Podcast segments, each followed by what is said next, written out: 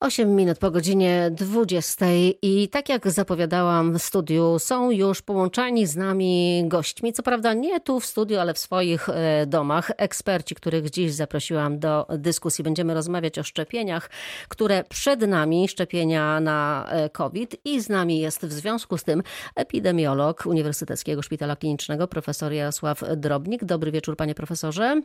Dobry wieczór, witam serdecznie. Jest z nami także lekarz rodzinny, prezes Porozumienia Zielonogórskiego Jacek Krajewski. Dobry wieczór. Dobry wieczór Pani, dobry wieczór Państwu. Jest z nami także jeden ze słuchaczy naszych, który napisał do nas list z rozlicznymi pytaniami. W związku z tym, zamiast pozostawić te pytania na piśmie, zaprosiłam pana Grzegorza Czecha także do tej dyskusji. Dobry wieczór panu. Dobry wieczór, bardzo się cieszę, że zostałem zaproszony jestem bardzo zaszczycony. Cieszę się, że Pan e, też będzie razem z nami. W drugiej części e, spotkania naszego dzisiejszego porozmawiamy bardziej o logistyce szczepień, co trzeba zrobić, żeby to było możliwe, jak zaszczepić 30 milionów Polaków. Ale zanim przejdziemy do tej części, wtedy już inni goście będą, natomiast e, zanim przejdziemy do tej części dotyczącej logistyki, na początek pytanie po kolei oczywiście pan profesor, pan doktor i pan e, Grzegorz. E, mamy szczepionkę już, załóżmy, ma być w styczniu, ale powiedzmy, że mamy szczepionkę. Szczepimy się tak od razu, od ręki, panie profesorze? Zdecydowanie tak.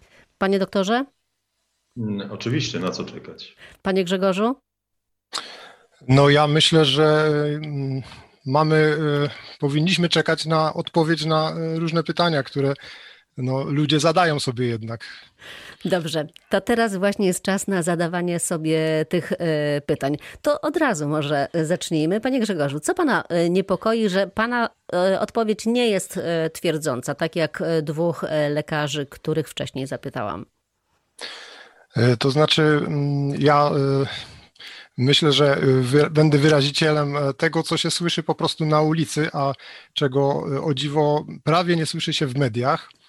E, a e, są to jakby podstawowe pytania dotyczące e, szczepionki. I takim pierwszym pytaniem, które chciałem zadać, to jest przede wszystkim, dlaczego w walce z koronawirusem, z wirusem SARS-CoV-2, uciekamy się do szczepionki, podczas gdy istnieją, podczas gdy przede wszystkim wirus ten nie jest nieuleczalny, tak jak na przykład wirus HIV, E, nie jest też on e, tak e, bardzo śmiertelny, jak na, jakby się wydawało na samym początku epidemii. Przede wszystkim jest to choroba wyleczalna. Można się. A wręcz czasami dowiedzieć, bezobjawowa, jak a wiemy. Czasem nawet tak trudno bez, bez jakby E, tego narzędzia, którym są testy PCR, trudno byłoby stwierdzić, czy ktoś w ogóle przechodzi tą chorobę. Panie Więc, Grzegorzu, to e, teraz e, dajmy szansę na odpowiedź, dobrze? Czy ja, ja tylko chciałem jeszcze dodać jedną rzecz. Ja od razu chciałem powiedzieć, że ja jestem, nie jestem antyszczepionkowcem, nie należę do tego ruchu i e, nie jestem też koronasceptykiem, e, czyli nie podważam istnienia tego wirusa. E, chciałbym, żeby to było jasne, żeby, bo w mediach bardzo często osoby o krytycznym podejściu do tematu są wrzucane do tego właśnie jakby worka koronasceptyków, antyszczepionkowców, a jeszcze gorzej e, e, płaskoziemców. Panie Grzegorzu, no nie jest pan odosobniony, bo z badań wynika opinii publicznej, że 50% Polaków ma wątpliwości. Nawet teraz mówi się o tym, że z innych badań wyszło, że około 30% tylko zechce się zaszczepić. Dobrze, dajmy teraz czas na odpowiedź. Epidemiolog z nami, panie profesorze, profesor Jarosław Drobnik. Po co ta szczepionka, skoro ta choroba nie jest wcale aż taka groźna? No właśnie, szukam w głowie takiej mm, sensownej odpowiedzi, no bo równie dobrze mogłem odpowiedzieć poprzez pytanie, e, no to po co szczepić na odrę? Po co szczepić na grypę? E, większość tych osób, które będzie przychodziło tę chorobę, nie umrze. E, a mimo to szczepimy. No właśnie dzięki temu, że szczepimy, tych chorób jest niewiele, a przy dobrym wyszczepieniu tych chorób nie spotykamy w ogóle.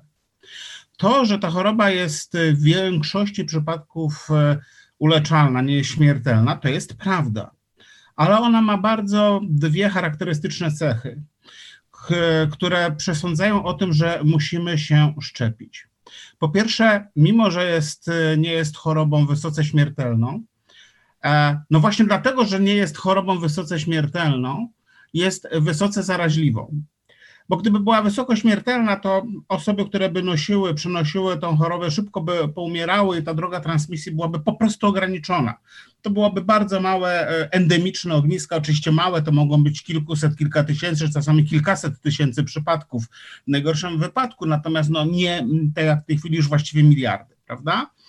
E, I to jest pierwsza rzecz. I teraz działa tutaj efekt skali. Co z tego, że większość osób przechodzi bezobjawowo, choć nie do końca jesteśmy pewni, czy po roku się nie okaże, że na przykład te bezobjawowe przechorowanie nie skutkuje z odległymi y, powikłaniami. Tego jeszcze nie wiemy już widzimy, że nie u, których, u niektórych osób, mimo że przeszły bardzo łagodnie, powrót do zdrowia jest y, utrudniony, są osłabione, mają problemy z koncentracją i tak dalej, i tak dalej, etc. Tak?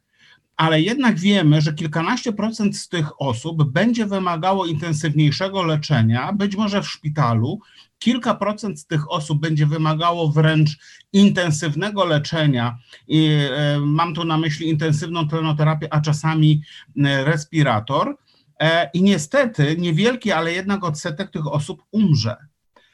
I tutaj działa efekt skali. Gdyby chorowało tylko 100 osób, no to pewno nie byłoby problemu, ale jeżeli chorują miliony, to widzimy, co się dzieje. Codziennie w tej chwili, i to jest fakt, oczywiście możemy go społecznie zaakceptować i wtedy nie dyskutowalibyśmy o tym, ale fakt jest taki, że codziennie umiera kilkaset osób w Polsce. 500, 600, 700 bywało. Wie pani, dla mnie nieważne jest, czy to będzie jeden na tysiąc, czy jeden na milion. Jeżeli mnie osobiście to dotknie, nie moją rodzinę, to jest dla mnie 100%, to jest tragedia. Jeżeli jest możliwość zapobiegania takim zdarzeniom, to oczywiście robimy wszystko, żeby to robić. Przecież proszę zwrócić uwagę, no to po co leczyć? Po co w ogóle się tym zajmować? Przecież stajemy na głowie, żeby uratować tych ludzi, tak? Ten wirus również spowodował, że poprzez tą transmisję, poprzez tak masowe wyłączanie ludzi z aktywności płacimy nie tylko koszty zdrowotne, ale także społeczne i ekonomiczne bo jego siła tkwi w tym, że jest niezwykle zaraźliwy. Bardzo łatwo i bardzo szybko się przenosi. Panie profesorze, wydaje mi się, że ta odpowiedź już jest e, dość wyczerpująca. Może drugie pytanie, panie Grzegorzu, byśmy zadali do naszego drugiego gościa. Doktor Jacek Krajewski jest e, z nami. Wobec tego teraz, panie Grzegorzu, pana drugie pytanie. E, to znaczy, no chciałem a propos tej zaraźliwości powiedzieć. Ja jestem akurat osobą, która przeszła zakażenie rzekomo e, tym wirusem, ponieważ miała dodatni wynik testu. E, mieszkam w moim domu e, z siedmioma osobami, z teściami i z trójką dzieci z żoną, czyli razem jest nas siedmioro. Mimo bliskiego kontaktu z tymi ludźmi, wspólnych posiłków i życia cały czas razem, nie zaraziłem ani jednej osoby, żadna z nich jakby testu nie przeszła, nie, nie, nie otrzymała pozytywnego. Mimo to musiały przez miesiąc wszyscy siedzieć e, zamknięci w kwarantannie, chociaż ja jako e, osoba dodatnia już po dwóch tygodniach mogłem wyjść. Tak było w czerwcu, takie przepisy były w czerwcu. No rzeczywiście. teraz tutaj moje jest pytanie tak. jest, i teraz moje pytanie jest, czy naprawdę jest warto tak jak tutaj pan e, e, powiedział, e, zamykać szkoły, zamykać firmy, zadłużać kraj i wpadać w potężne problemy finansowe i nie tylko, ale również zdrowotne i psychiczne wielu ludzi, żeby uratować te no, kilka procent, o których Pan wspomniał, którzy może dopiero za kilka lat wyjdzie, że coś tam im zaszkodziło, ale za kilka lat to trudno będzie stwierdzić, czy to naprawdę zaszkodził akurat ten wirus o którym mówimy. Dobrze, panie Grzegorzu, to teraz e, dr Jacek e, Krajewski, lekarz e, rodzinny. Jakby pan się odniósł do tego? Odpowiedź jest prosta. Ponad 16 tysięcy zgonów w Polsce, a może by było tak, że ci ludzie by po prostu nie umarli. Tych, ci ludzie by żyli. Szczepionki są między innymi po to, żeby spowodować mniejsze ryzyko zachorowania na chorobę, która przyspieszy zgon. Szczepionki, szczepienia e, wydłużyły długość życia e, społeczeństw, e, szczególnie w XX wieku.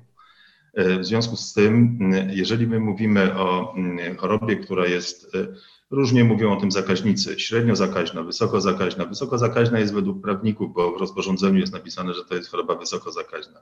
Zakaźnicy mówią, że jest średnio zakaźna. Pana przypadek e, akurat nie jest niczym dziwnym. Rzeczywiście tak jest, że e, niektóre, w niektórych środowiskach ta transmisja nie przebiega tak błyskawicznie, że jeden kichnie i wszyscy chorują, a z kolei w innych jest zupełnie odwrotnie. Więc e, nie ma tutaj zasady jakiejś takiej, która by e, w sposób e, ostry odgraniczała te dwie sfery. Jedna wydaje, mi się, wydaje mi się, że też nie ma reguły i pewności, w jaki sposób kto przejdzie to, to zakażenie. I tutaj jest, jest ogromne ryzyko. To jest następna kwestia, że jeżeli mówimy o chorobach współtowarzyszących, to na pewno większość tych osób, które ma choroby towarzyszące, a ja muszę y, powiedzieć dla pana Grzegorza informacja y, może być istotna, że e, osób chorujących w Polsce, czyli takich, które mają przewlekłe choroby, jest miliony.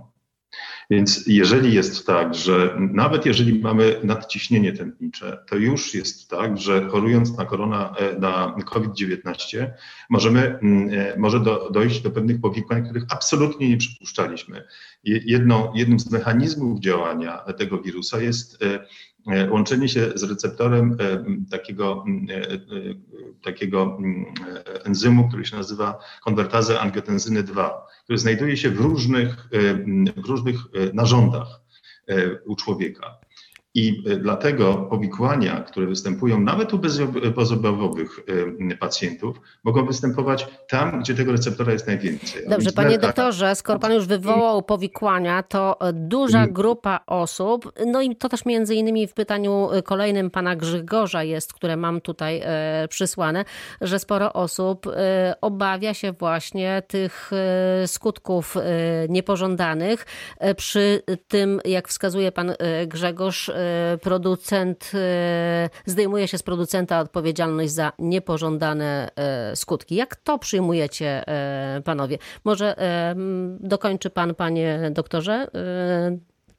Przede wszystkim producent został zwolniony ze względu na, na to, że sposób przygotowania szczepionki był ekstraordynaryjny. Faza kliniczna szła równolegle z fazą przedkliniczną, krótki okres obserwacji.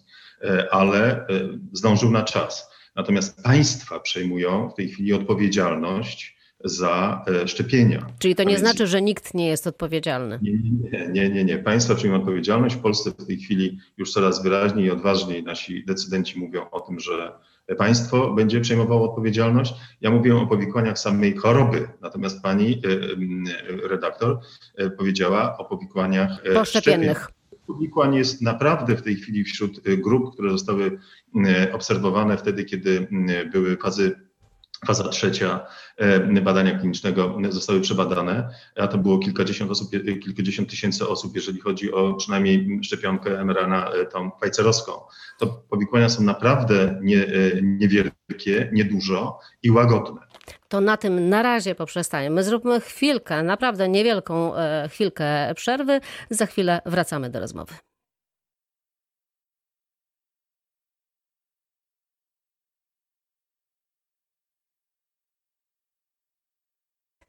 Zbliża się 25 minut po godzinie 20. Wracamy do rozmowy z naszymi gośćmi. Zacznijmy od e, pana, panie profesorze. Jarosław Drobnik e, jest z nami, epidemiolog. E, to bezpieczeństwo, czy też to ryzyko właśnie powikłań poszczepiennych. Tego obawia się bardzo wielu Polaków. Między innymi obecny z nami nasz słuchacz. Krótko proszę na ten temat najpierw. E, ja osobiście jestem przekonany, że ta szczepionka, jak i wiele innych szczepionek, jest naprawdę będzie bezpieczna.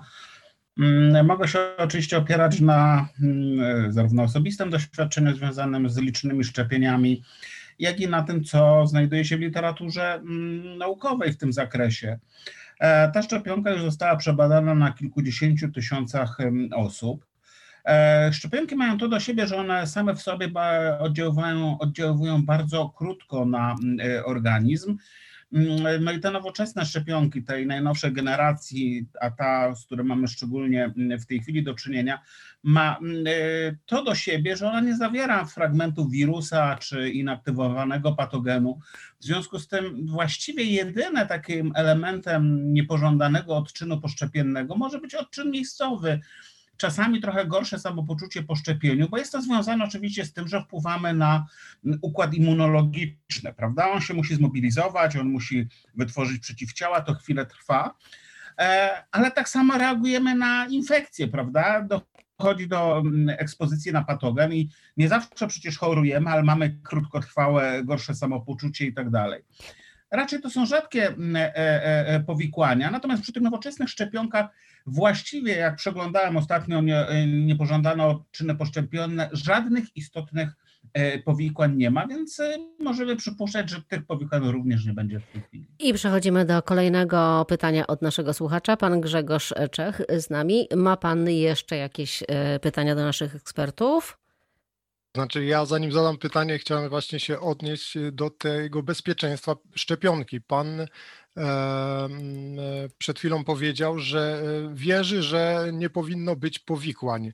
E, na tą chwilę, e, z tego co wiem, w Anglii dzisiaj zaszczepiono pierwszego człowieka. Oczywiście testami poprzedzono tą szczepionkę i na pewno wielu naukowców będzie udowadniać, że jest ona bezpieczna. Ja jednak mam pytanie, które tutaj pani już wcześniej zadała. Skąd nagle w przepisach E, jakby przedwstępnych, e, zanim rząd zdecydował się, jakby zamówił szczepionkę, e, jednak koncerny farmaceutyczne wymogły na, na naszym rządzie i na innych rządach to, to zwolnienie z odpowiedzialności za powikłania, za jakieś niepożądane skutki szczepionki. I tutaj pan profesor Krajewski zaznaczył, że rząd bierze na siebie odpowiedzialność za szczepienia, ale ja słyszałem, wyraźnie, nie powiedział pan, bierze odpowiedzialność za powikłania poszczepienne i za niepożądane e, jakby skutki szczepień.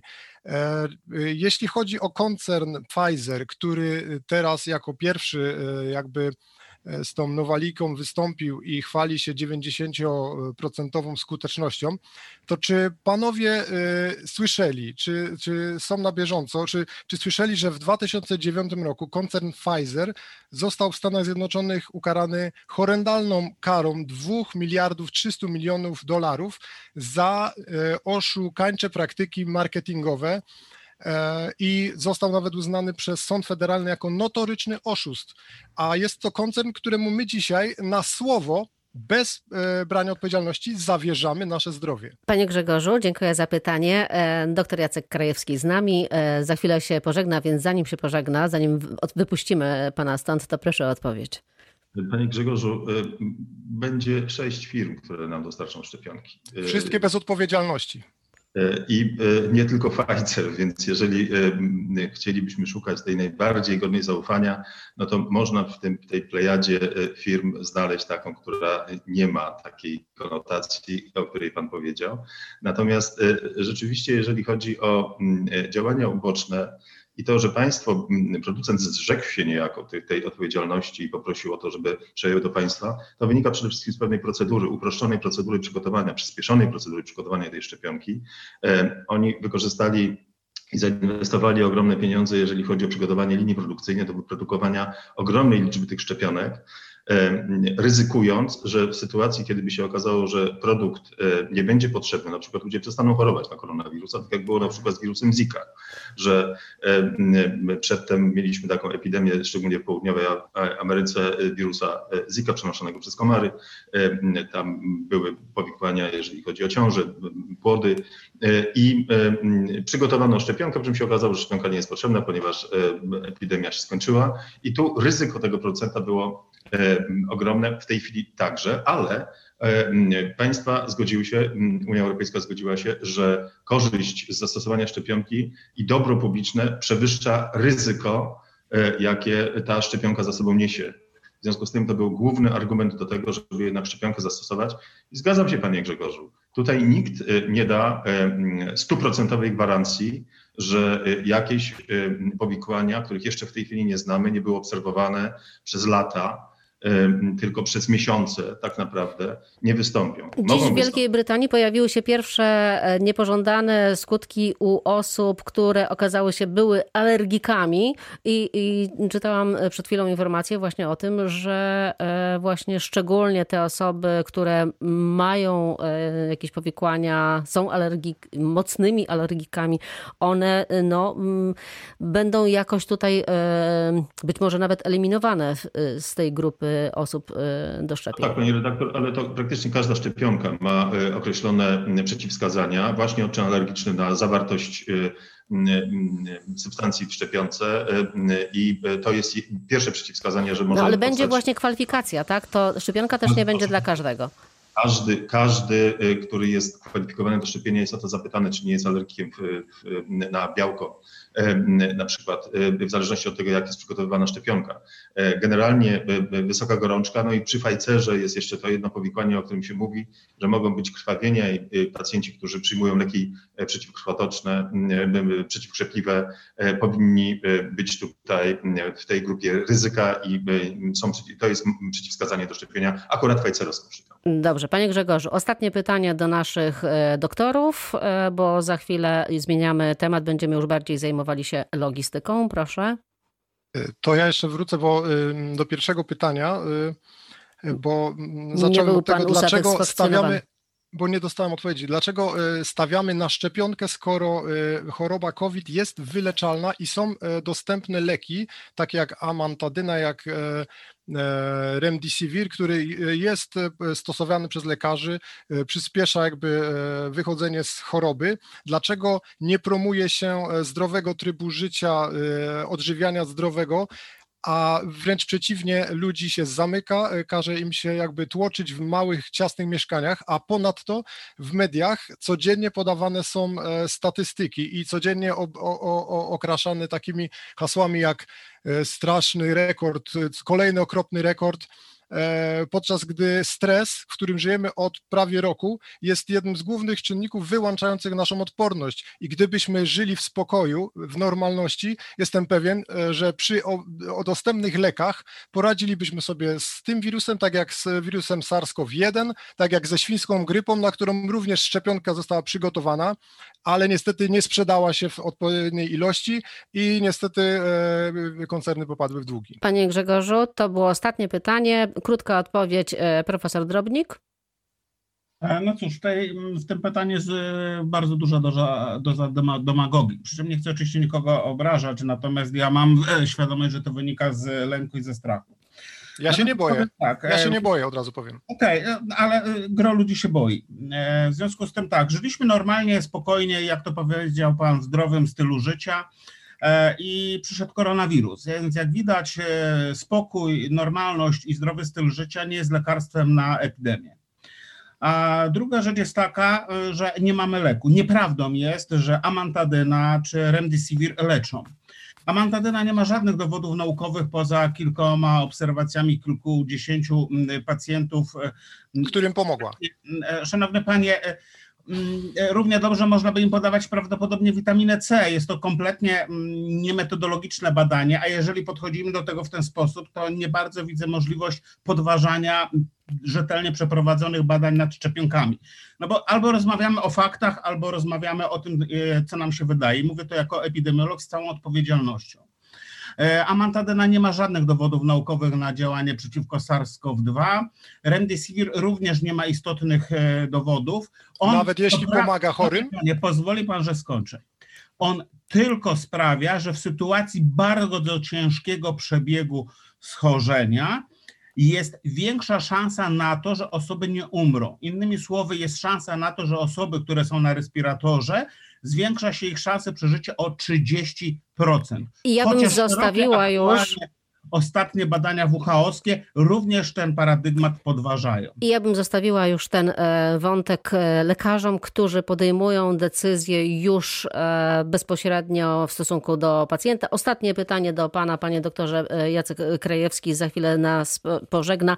Jak pan chce przekonać swoich pacjentów, ma ich pan kilka tysięcy, żeby się zaszczepili? Przychodzą i już pytają o szczepionkę, chcą się szczepić, czy mówią, przychodzą właśnie i mówią, nie, nie, nie, panie doktorze, ja się nie zaszczepię. Nie, już, już pytają. Ja oczywiście sam się zaszczepię, bo my będziemy w pierwszej grupie, jako ci, którzy no, mają największe ryzyko transmisji.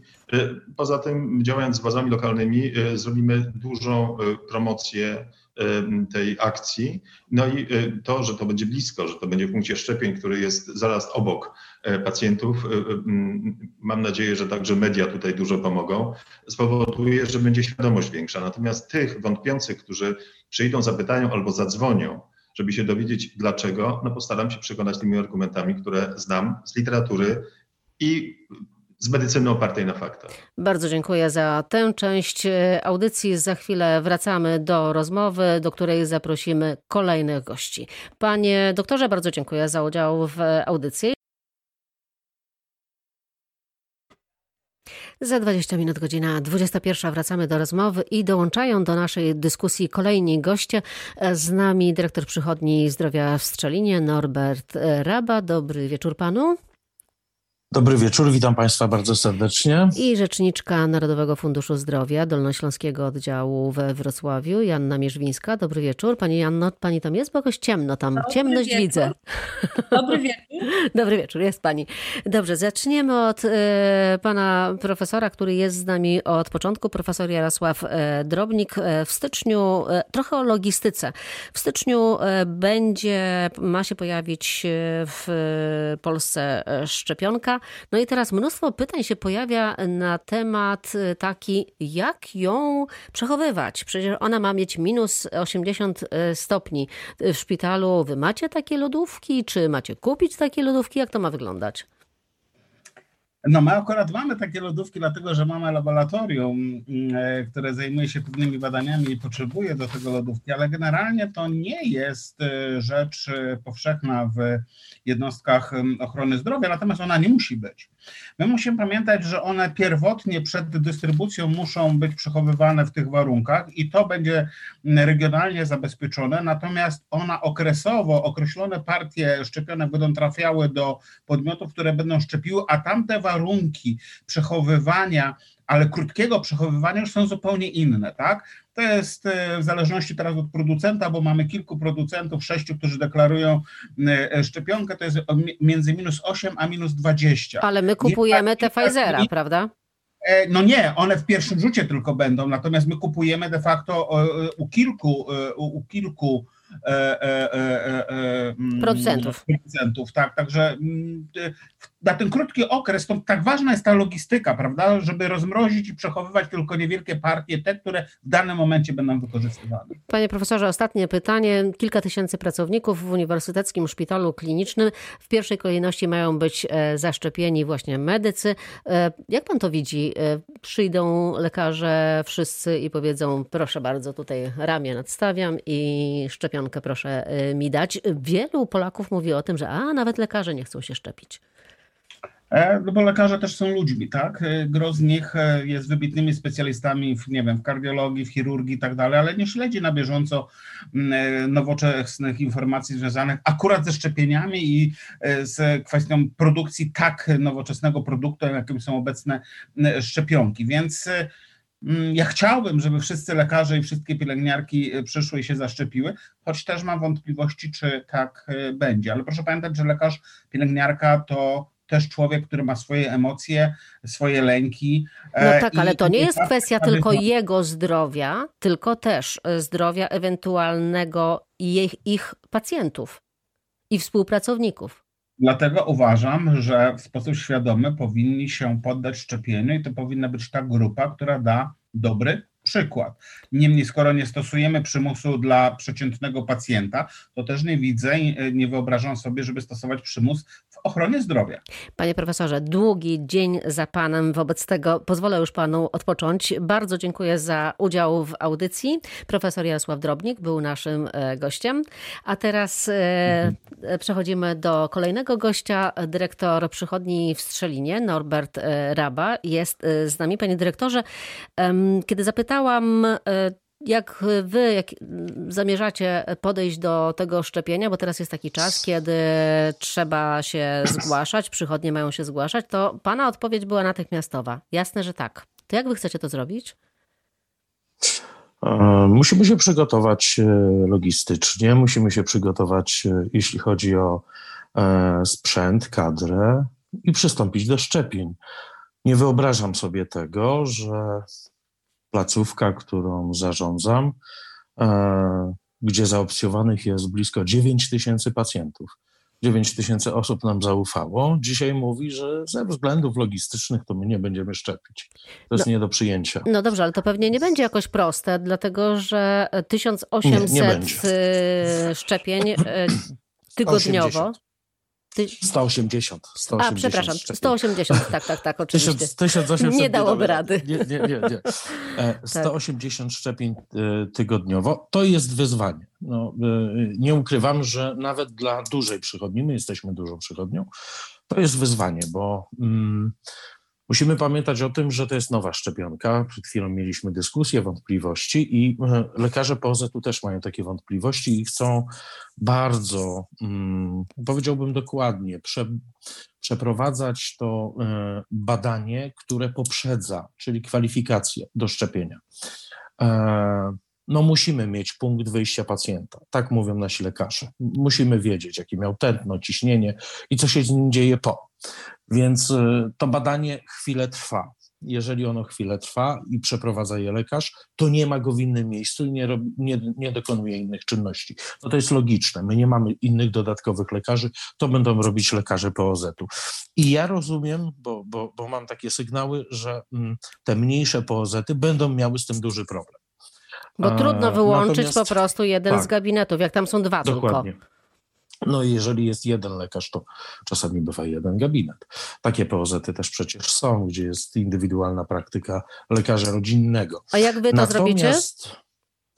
No my, my mamy kilku lekarzy, którzy pracują u nas i prawdopodobnie będziemy e, stosowali taki system zmianowy, czyli jeden lekarz e, przez jeden dzień będzie kwalifikował i poświęcał się szczepieniom, a pacjenci tego lekarza będą e, przyjmowani przez innych lekarzy.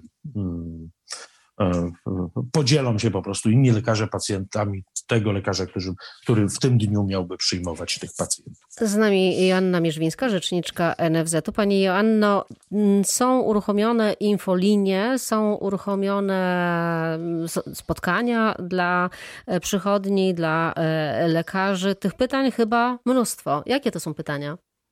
E, tak, my od dwóch dni prowadzimy tak zwane konsultacje. Mimo reżimu sanitarnego jesteśmy otwarci dla placówek medycznych, które chcą przyjść, dowiedzieć się, odpowiadamy na pytania, wspieramy, oczywiście wyjaśniamy e, niektóre wątpliwości e, składać oferty do Narodowego Programu Szczepień.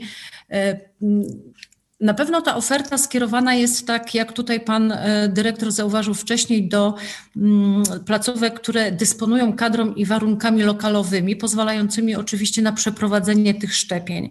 E, te 180 szczepień, e, szczepień tygodniowo, co najmniej 5 dni jest napisane w wymaganiach, tak? To jest takie, wyliczyliśmy 36 szczepień na na zespół. Ale jak niektóre placówki deklarują już nam 7 dni w tygodniu, to już jest 26 e, szczepień w tygodniu.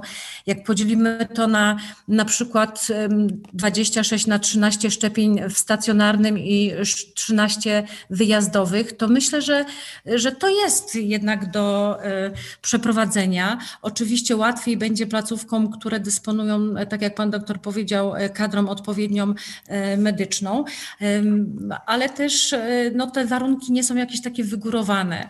Ile tych e, przychodni ma być na Dolnym Śląsku, czy punktów takich ma być na Dolnym Śląsku? Bo to mm, słyszeliśmy, że w każdej gminie ma być e, przynajmniej jeden taki punkt, tak?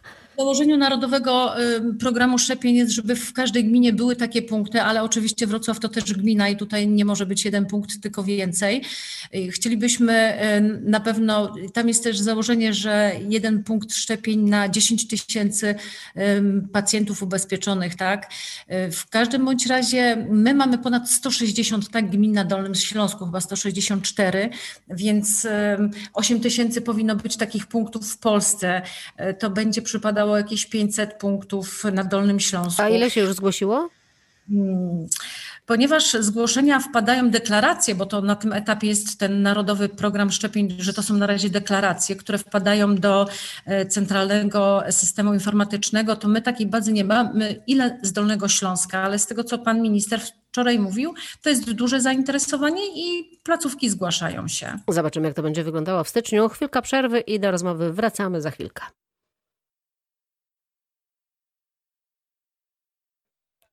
I wracamy do rozmowy o szczepieniach, o logistyce szczepień. Joanna Mierzwińska, rzeczniczka NFZ-u. Tutaj pytałam Panią o to, jakie pytania zadają właśnie mm, lekarze, przychodnie w tych dniach otwartych czy na tych infoliniach, bo tych pytań pewnie mnóstwo.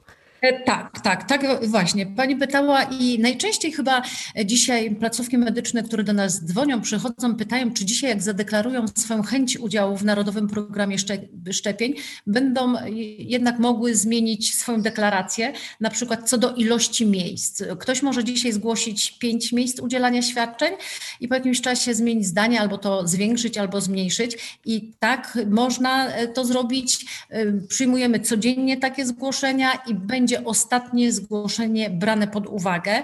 E, pytają też, e, czy wszyscy mają prawo do, będą mieli do, do szczepionki, czyli osoby ubezpieczone, nieubezpieczone i tak jak w przypadku leczenia covidowego wszyscy będą mieli prawo do szczepionki, osoby ubezpieczone, nieubezpieczone. Dyrektor e, Przychodni Zdrowia w Strzelinie, Norbert Raba z nami. Co pana jeszcze, co dla pana jeszcze nie jest jasne? Co pan by chciał wiedzieć? E, bardzo chciałbym wiedzieć, jak będzie e, faktycznie wy, e, wyglądała ta elektroniczna rejestracja przez platformę P1. Czy my, obsługujący ten cały narodowy program szczepień, będziemy mieli możliwość nie tylko rejestrować pacjentów, ale też dokonywać przesunięć w rejestracji, zmian, czasami przygotowywać się na takie no, nieprzewidziane Mm, sytuacje, w których na przykład pacjent rezygnuje. A panie dyrektorze, tutaj będziemy... kolejna e, rzecz, wydaje mi się, że to już w mhm. ogóle będzie Mistrzostwo Świata, potem te, to drugie szczepienie. Tak. Żeby to zgrać. E, do, do, dokładnie. E, i, i, I Przyznam się szczerze, że ja zdaję sobie sprawę z tego, że, że dzisiaj nie otrzymam tej odpowiedzi. Natomiast mówię o tym po to, by zasygnalizować, że jakby jeżeli my prowadzimy szczepienie, jeżeli lekarz kwalifikuje, a pacjent przychodzący do przychodni może nie dostać takiej kwalifikacji. Jasne, to, za każdym razem to e, powinni, lekarz będzie tak, decydował. Powinniśmy mieć też możliwość e, takiej weryfikacji, czyli doproszenia, nawet w tym samym dniu kogoś, kto skorzysta ze szczepienia, e, z dawki, która, która będzie e, przygotowana. E, jak wspominaliśmy, te dawki leków, one mają krótki termin ważności, jeśli chodzi o przebywanie w innych warunkach niż w tych wymaganych niskich temperaturach. I ostatnie zdanie dla naszego słuchacza, Grzegorz. Czech jest cały czas z nami, przysłuchuje się. Panie Grzegorzu, na początku pytałam pana, czy pan y, skorzysta ze szczepionki. Miał pan wątpliwości. Domyślam się, że wątpliwości pozostały. Jak najbardziej, ponieważ nie, nie, nie, dostałem odpowiedzi na kluczowe pytanie y, odnośnie odpowiedzialności y, za nie nie, nieoczekiwane Rządy skutki tej szczepionki. będą ponosić odpowiedzialność. Została zdjęta z producenta takie... na, przeniesiona na tak. rządy krajów, które kupują ale rządy nie biorą na siebie odpowiedzialności za niepożądane skutki, a jedynie za zaszczepienie swoich e, obywateli. I teraz, gdyby ten precedens, bo to pierwszy raz e, coś takiego mamy e, do czynienia z czymś takim, jeśli ten precedens przeniesie się na inne branże typu budowlana, e, samochodowa, to ja życzę powodzenia osobom, które kupują nowy samochód, ponieważ naprawdę to jest dobry samochód, ale nie gwarantuje sprzedawca, że doje, dojada do domu. Szczepienia są e, dobrowolne, będą bezpłatne. Skorzystać e, z niego będą mogli ci, którzy e, chcą. Rząd planuje zaszczepić około 30 milionów e, Polaków. Żeby było skuteczne, musi być zaszczepione, panie Norbercie? 50, 60, 70%.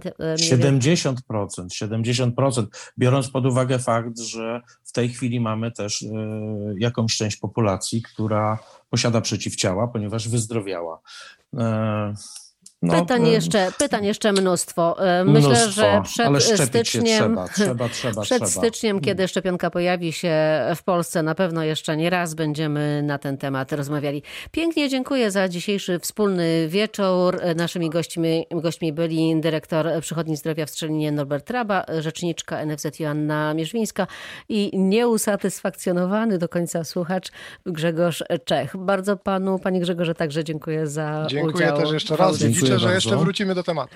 Dziękuję najmocniej. Na pewno nie raz jeszcze będziemy o tym mówić. Elżbieta Osowicz,